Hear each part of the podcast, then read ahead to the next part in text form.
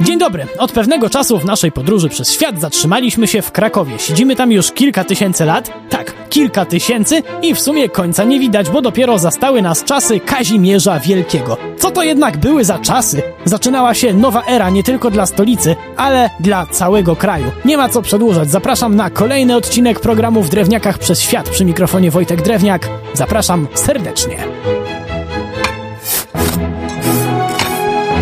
Kazimierz Wielki. Zmienianie stolicy zaczął w sposób dosyć specyficzny, mianowicie zaraz obok założył dwa inne miasta. Pierwszym był Kazimierz, założony w 1335 roku. I tutaj dwie ciekawe kwestie to przez ten Kazimierz, Kazimierz pod Lublinem, musi się nazywać Dolny, żeby je rozróżnić. A po drugie, ten podkrakowski Kazimierz, dziś kojarzony głównie z ludnością i kulturą żydowską, początkowo miał być miasteczkiem dla studentów. Całe miasto dla studentów, no no, królu odważnie. Oczywiście za moment do studiowania w Krakowie przejdziemy, ale jeszcze wypada powiedzieć o drugim mieście założonym przez Kazimierza Wielkiego.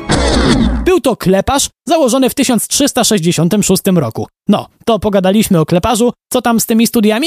Kazimierz doskonale wiedział, jak bardzo rangę nie tylko miasta, ale i państwa podniosłaby szkoła wyższa. Uprosił więc papieża o pozwolenie, bo tak w tamtych czasach Ojciec Święty musiał się zgodzić na takie rzeczy i w 1364 roku nasz władca ufundował nie, nie Uniwersytet Jagielloński, no bo wtedy jeszcze u nas Jagiellonów nie było. Akademię Krakowską, która szybko zaczęła przyciągać studentów z całej Europy. No i spoko, że naukę rozwinął, ale co z jego rządów miał taki zwykły mieszkaniec studentami na ulicach? Oj miał sporo, bo Kazimierz Wielki swoimi przywilejami bardzo rozbujał lokalny handel. Dzięki jego dekretom lokalni kupcy mieli lepszą pozycję niż przyjezdni, a z innych kwestii to powołał jeszcze Sąd Najwyższy na Wawelu, żeby całe sądownictwo nie było tylko w rękach władz miasta, bo to rodziło według niego potencjał do różnych machlojek.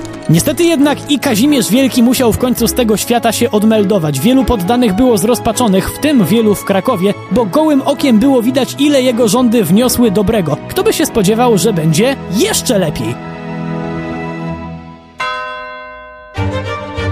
Kolejnym władcą był Ludwik Węgierski, a potem jego córka, uwielbiana przez nas Jadwiga, obok której błyskawicznie pojawił się Litwin Jagiełło. Zaczęła się dynastia Jagiellonów, a podczas jej panowania w mieście powstało mnóstwo legendarnych budynków. Ratusz, kościół mariacki i ten najważniejszy, Wawel. To znaczy, okej, okay, bo zaraz ktoś mnie skrzyczy. Po pierwsze, proszę nie krzyczeć do radia, bo ja i tak nie usłyszę, a po drugie już tłumaczę. Owszem, zamek na Wawelu istniał już wcześniej, jednak w 1306 roku dość widowiskowo poszedł z dymem. Od tej pory kolejni władcy nieśmiało sobie rezydencję odbudowywali, jednak to za Jagiellonów zaczęła ona robić tak niesamowite wrażenie.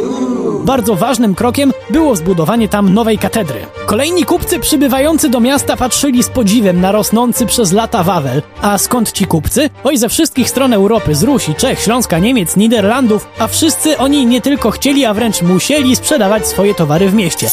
Czemu? Bo Kraków był pierwszym w naszej historii miastem, które otrzymało prawo składu. Kupcy przejeżdżający przez miasto musieli się w nim na jakiś czas rozstawić z kramem i sprzedawać co tam mieli. Dodajmy do tego fakt, że z racji swojego położenia nad Wisłą i wielkiego potencjału handlowego, nasza stolica była członkiem Hanzy i już mniej więcej mamy obraz handlowego Eldorado. Handel kwitł więc i ludzie się bogacili, przynajmniej ci zajmujący się handlem. A naturalnym następstwem tego faktu było to, że w mieście powstawały nie tylko kamienice bogaczy przy rynku, ale też rozwinęła się cała infrastruktura okołohandlowa. Ale nie tylko handel rozkręcił się niesamowicie, bo rzemieślnicy też dawali radę, a często działali na zlecenie bardzo majętnych klientów na czele z królewską parą.